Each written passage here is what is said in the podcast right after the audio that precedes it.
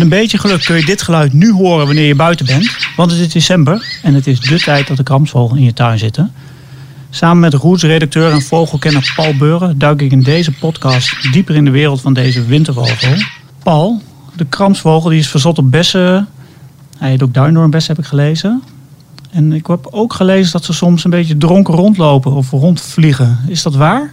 Ja, dat, uh, dat is waar, uh, Daniel. Want uh, in de duindoorns die worden zeg maar ja, oranje rijp in ja, zo september tot in oktober. En dan wat later in het jaar zijn er altijd wel bessen die blijven hangen en die gaan dan gisten. En op het moment dat ze gisten, dan, dan vormen ze eigenlijk een soort, soort alcohol. En die kramsvogels die, die dan die bessen gaan eten, dan, dan verandert er wat. Want dan krijgen ze dat binnen. En als ze er te veel van eten, dan gaan ze heel anders raar roepen. Dan slaan ze een beetje de roep, zeg maar, net alsof het steeds overslaat. Maar je ziet het vooral als ze wegvliegen. Dan fladderen ze door de bosjes en dan... Uh, ja, soms komen ze bijna niet eens weg. Dan vallen ze zelfs op de grond. En uh, daaraan kan je dan toch wel zien dat ze behoorlijk aangeschoten zijn. Dus het is een erg grappig gezicht. Ja, en, en klinkt hun roep dan een beetje als een dronkenmanse roep? Net als mensen een beetje met dubbele tong gaan praten? Ja, ja, inderdaad. Het slaat gewoon een paar keer uh, heel raar over. Maar het is vooral de manier van wegvliegen wat, uh, wat echt opvalt. Mooi verhaal. We gaan beginnen.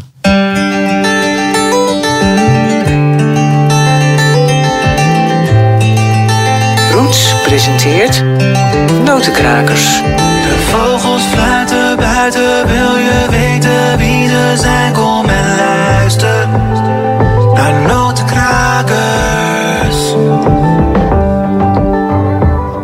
Welkom bij de podcast Notenkrakers. Mijn naam is Daniel Mulder en in deze podcast neem ik je mee in de wereld van de chilpende, zingende, piepende en kwakende vogels.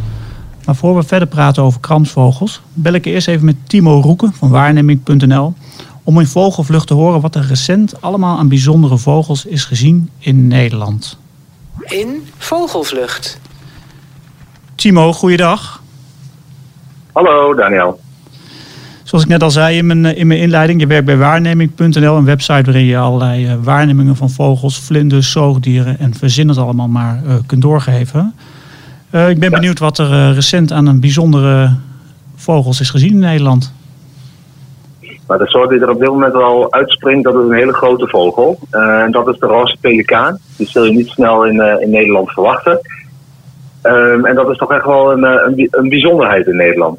zeker niet alleen om zijn zeldzaamheidsstatus, dus de, de manier waarop, of de wijze waarop die vaak wordt gezien en hoe vaak die wordt gezien. Maar het is vooral de grootte van de vogel zelf die heel erg indrukwekkend is. Maar een, een roze pelikaan, uh, die is niet ontsnapt uit een dierentuin? Nou, dat is, dat is altijd de vraag bij dit soort uh, waarnemingen. Um, de soort, of de, de, het individu wat we hier hebben in ieder geval, die schijnt niet gering te zijn. Dus dat, ge, dat geeft in ieder geval wat goede papieren mee om een wild exemplaar te zijn. Oké, okay, een wilde roze pelikaan in Nederland. Waar is die dan precies gezien? Um, nou, een vogel als dit is uh, enorm groot. Uh, als je de spanwijdte van de roze pelikaan bekijkt, die zit uh, tussen de 2,70 meter en 3,60 meter. Dus dat is, ja, daar is eigenlijk onze eigen zee aan. Het is daar misschien nog wel een kleine, kleine jongen bij. En hij vliegt ja, eigenlijk met gemak, met gemak lange afstanden. Dus hij zit op dit moment tussen het grensgebied van Overijssel en Drenthe. Maar goed, dat kan zomaar veranderen. Het kan zo zijn dat hij binnen een aantal dagen opeens op Texel opduikt of ergens in Zeeland. Dat zie je vaker bij dit soort grote vogels. Ja, en... Die draaien hun hand eigenlijk niet voor om om even een andere provincie te pakken. Oké, okay, en, en waar, waar komt hij vandaan dan? Ja, als dit een wild exemplaar is, dan komt hij toch wat meer uit het, uit het zuiden van uh, Zuidwest-Europa, Zuidoost-Europa. Uh, en Rusland en West- en Centraal-Azië. Maar uh, als dit een, echt een wilde vogel is, dan is de, de kans natuurlijk het groot dat hij uit Zuidoost-Europa komt. Ja, en is dat iets wat, wat één keer per jaar voorkomt of is dit echt, echt iets heel bijzonders? Nou, we zien het wel steeds vaker dat er ergens een, een, een, een pelikaan opduikt. Uh, het is niet meer zo zeldzaam als in het verleden. Maar elk jaar, daar durf ik mijn hand ook niet voor in het vuur te steken. Um, misschien dat dat uh, wel een trend is, ook gezien uh, dat het misschien steeds wat warmer wordt. Maar elk jaar, uh, dat zou ik nog niet zo snel zeggen. Nee, want, want Paul, we hebben een, niet zo lang geleden een flamingo op Texel gezien. Nu hebben we dus een, een, pelikaan. Nederland kleurt langzaam roze. Ja. ja Blij mooi, mee? Mooie ontwikkeling. ja, een pelikaan die wil je altijd wel zien en een flamingo ook. Dus voor mij mag het sowieso wel warmer worden. Ik vind het eh, zelf ook erg prettig, Ja, warmte. maar die pelikaan heb jij... Jij bent voor de klimaatverandering in, wat betreft vogels, ja. Maar heb jij die eh, pelikaan heb je die al op je lijstje staan of is dat een, nog een eh, ontbrekende soort? Ja, dat is, eh, dat is voor mij... eh, ik heb er al paar gezien zelfs. En de, de meest grappige vond ik nog eh, een paar jaar geleden, Timo. Dat er eentje in uh, Callandsoog midden in een vijver zat. En, eh, Ja, klopt, paar ja. maanden. En daar, eh, Ja. daar woon ik nu vlakbij. En, eh, maar toen moest ik er wel helemaal heen. Dus eh, dat was voor mij de eerste in Nederland. Ik dacht eerst van, nou ja, pelikaan eh, midden in een vijver. Belachelijk natuurlijk, want hij werd ook gevoerd door, eh, door mensen.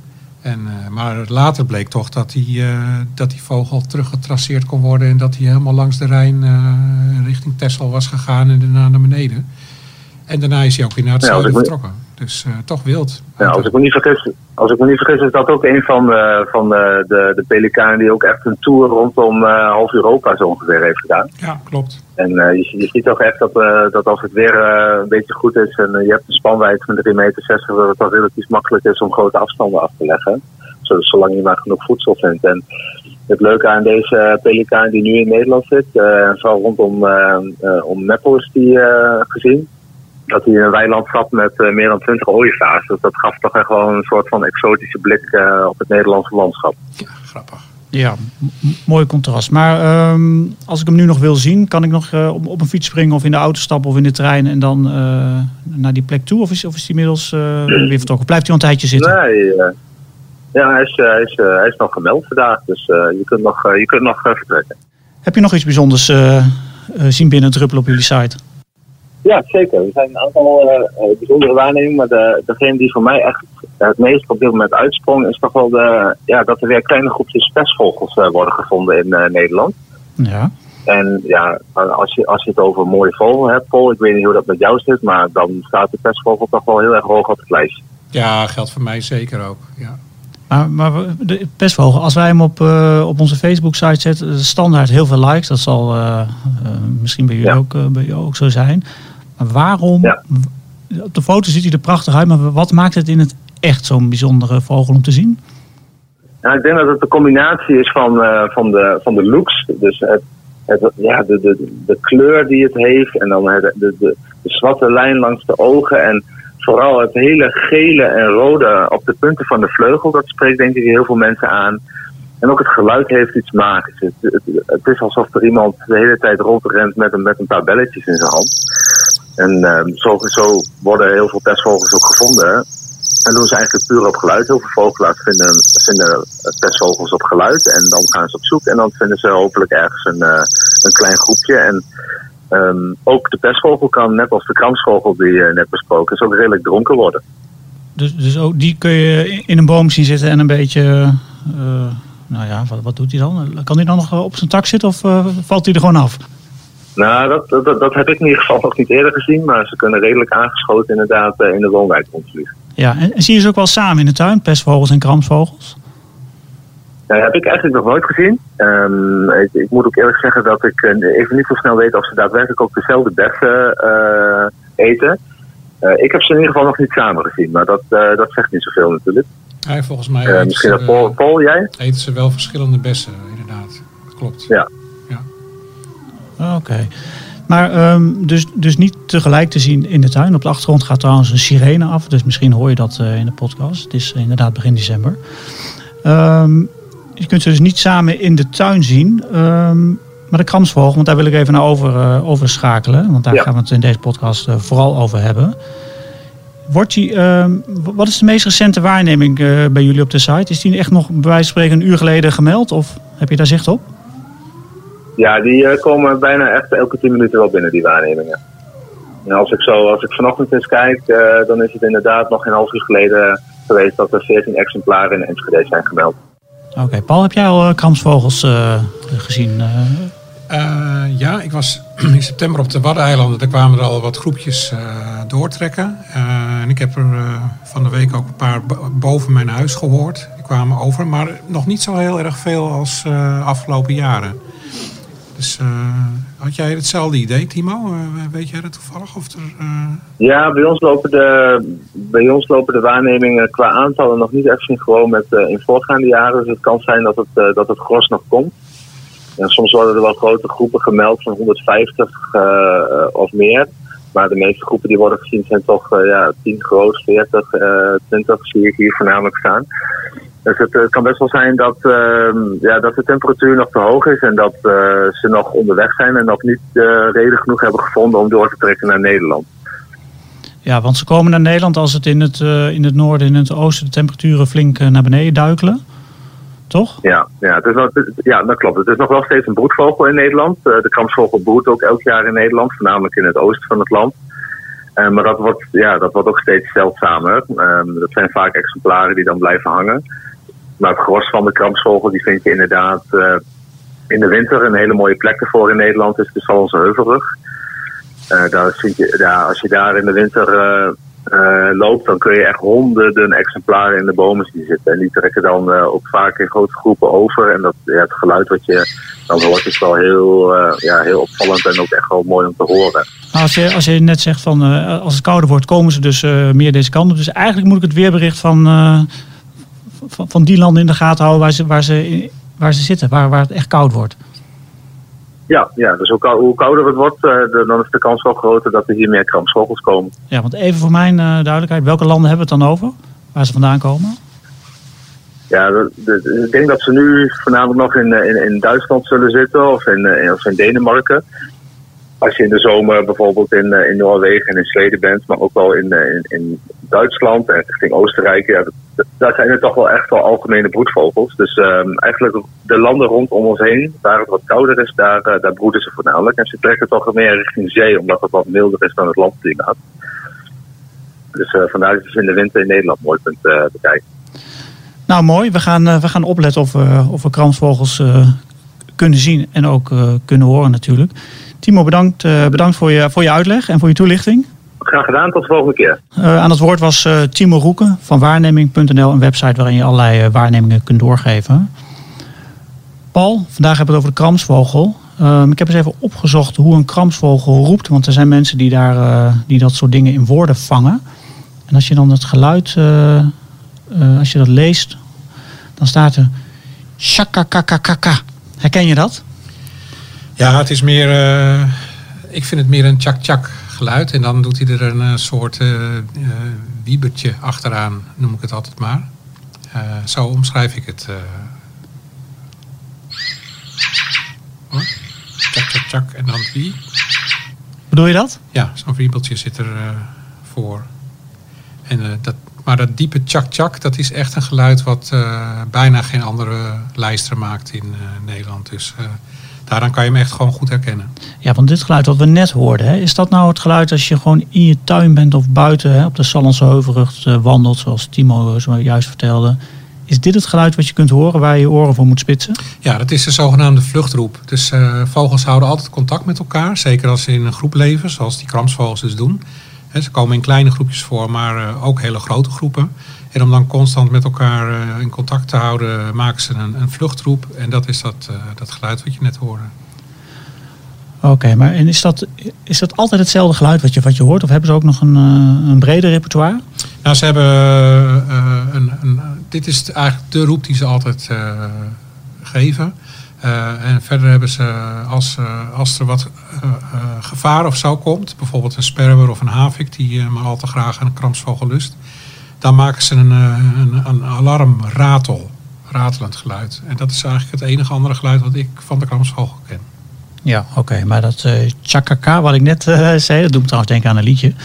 Ja. Dat, is, dat is echt het kenmerk Ja. van de kramsvogel. Ja. ja. Absoluut.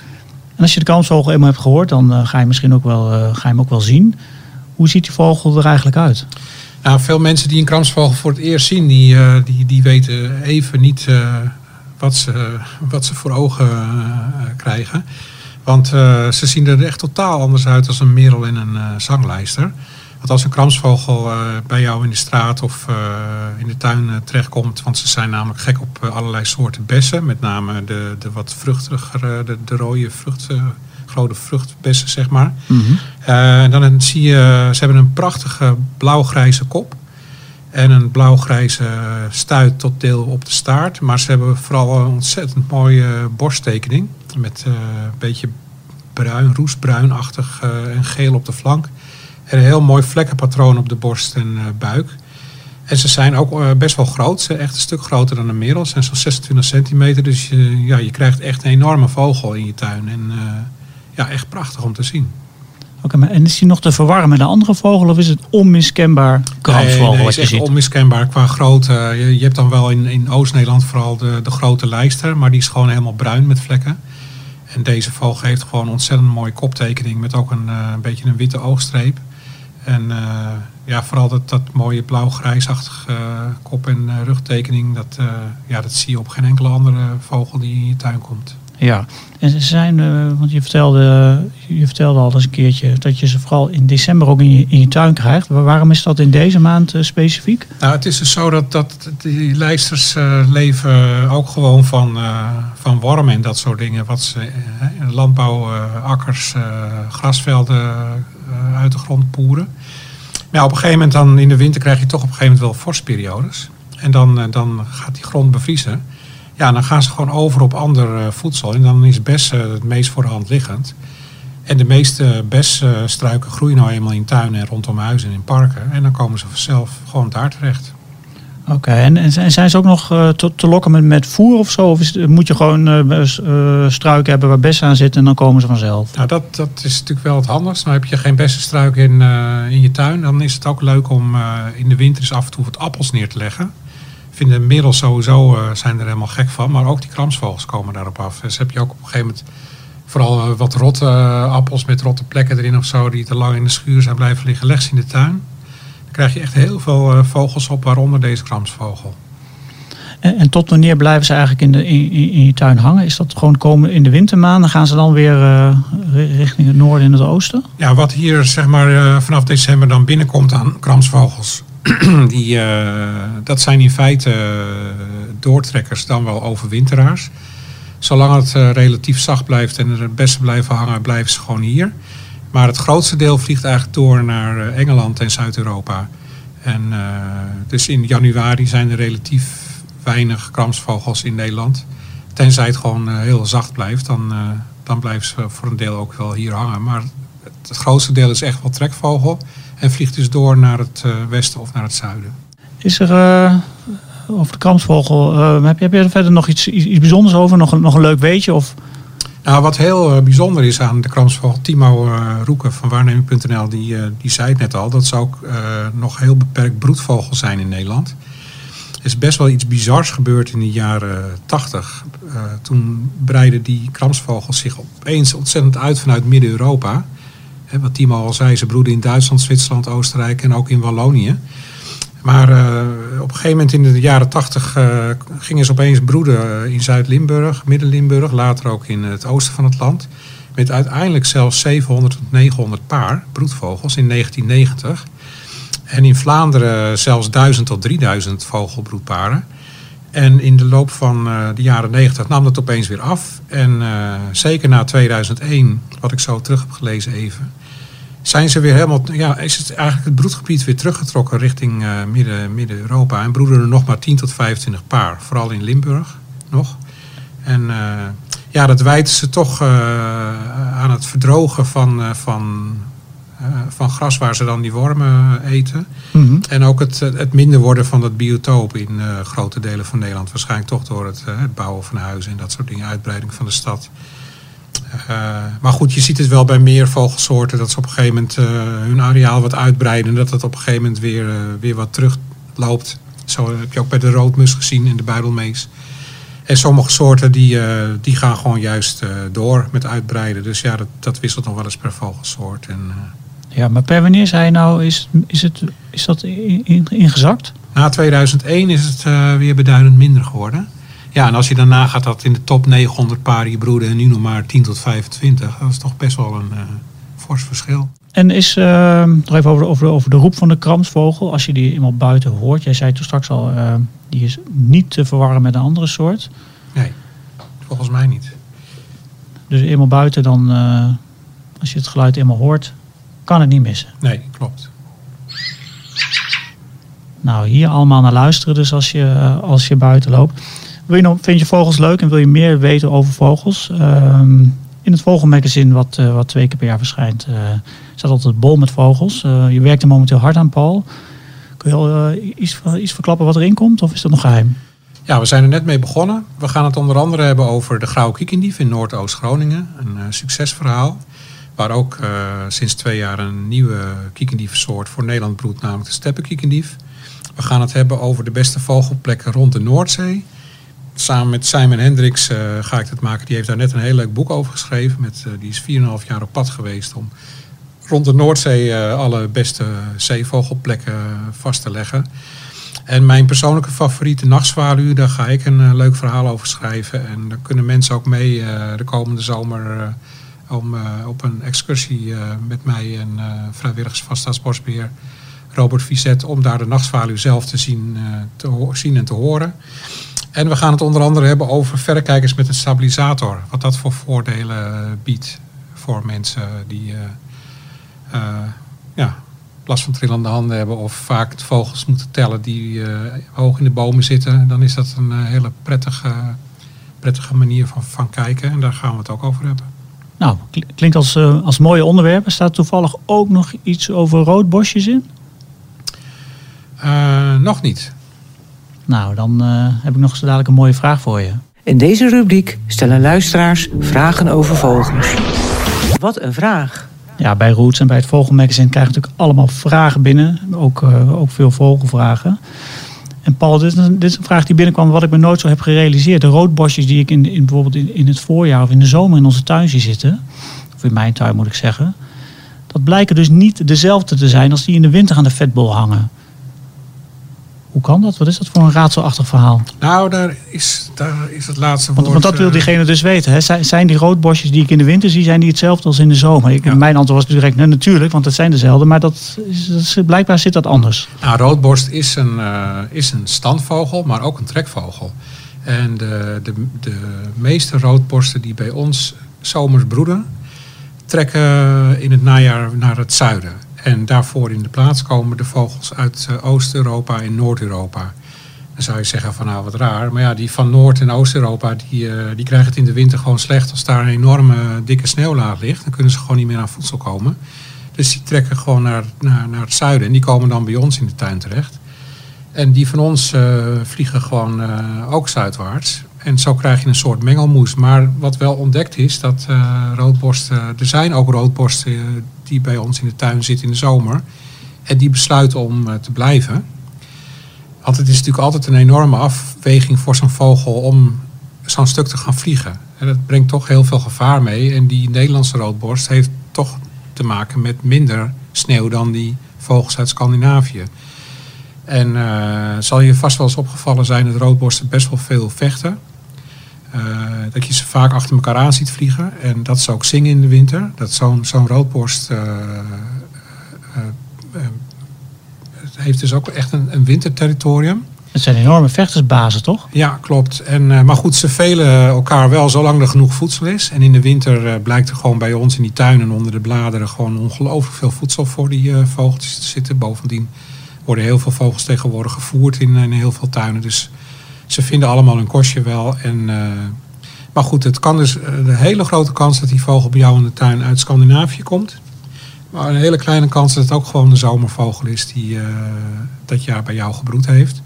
Maar ik, ik durf zelf te beweren dat het merendeel hier eh, wegtrekt en dat het grootste deel van de vogels uit het noorden of het oosten van Europa komt. Ja, en, en- en diegenen die met elkaar eh, op de vuist gaan, is niet het goede woord, maar eh, met elkaar op de veren gaan.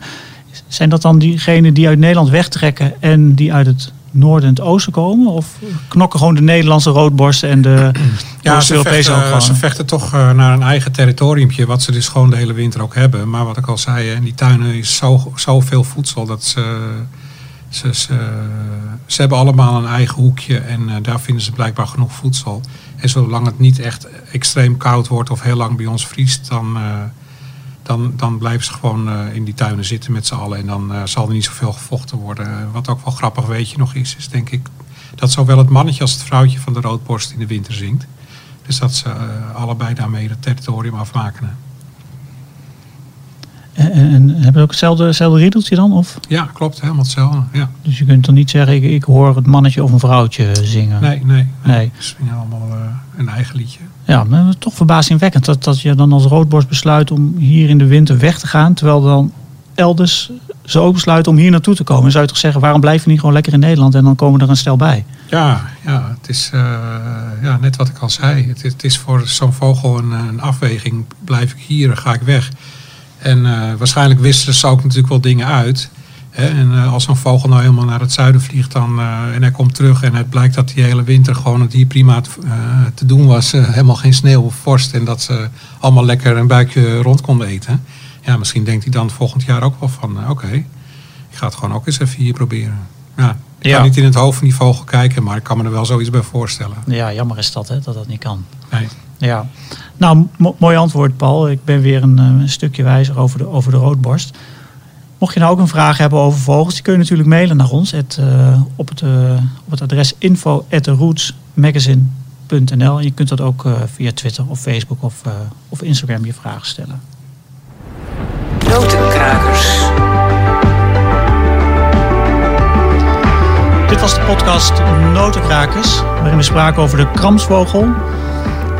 De geluiden die je van de kramsvogel hebt gehoord, die komen van, eh, van Henk Meeuws. En die heeft een hele mooie app gemaakt. En die app heet Bird Sounds of Europe. Het is echt de moeite waard om die eh, te downloaden en al die vogelgeluiden nog eens na te luisteren. Die geluiden die je dus bij ons hebt gehoord, die kun je op die, eh, op die app horen.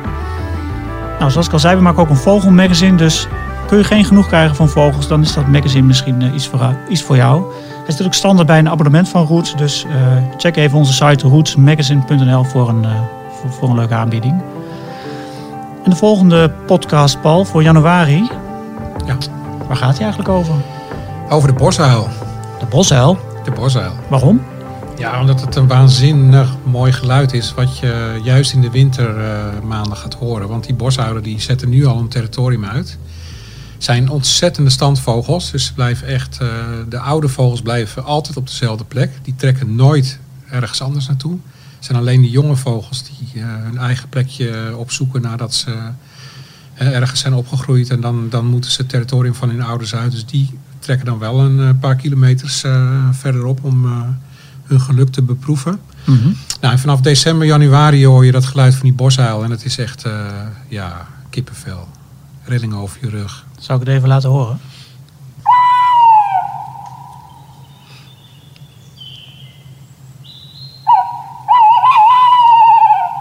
Ja, dan kan ik nog als tip geven. eh, op het moment dat de maan schijnt en het, de wind eh, niet echt hard waait, ga dan op pad in een parkachtige omgeving. En dan heb je grote kans in heel Nederland om ze te horen. Het klinkt echt een beetje eh, spookachtig. Hè? Dit is een beetje de horrorfilm die Ja, dit geluid wordt in ontzettend veel films gebruikt. En ook in Amerikaanse films, terwijl die daar helemaal niet voorkomt.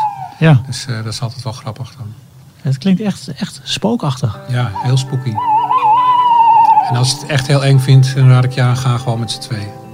Nou, dat is ook, ook gezellig. Een, een nachtwandeling en dan luisteren naar, eh, naar de bosuil. Zo is dat. Nou, als toetje doen nog één keer de kramsvogel.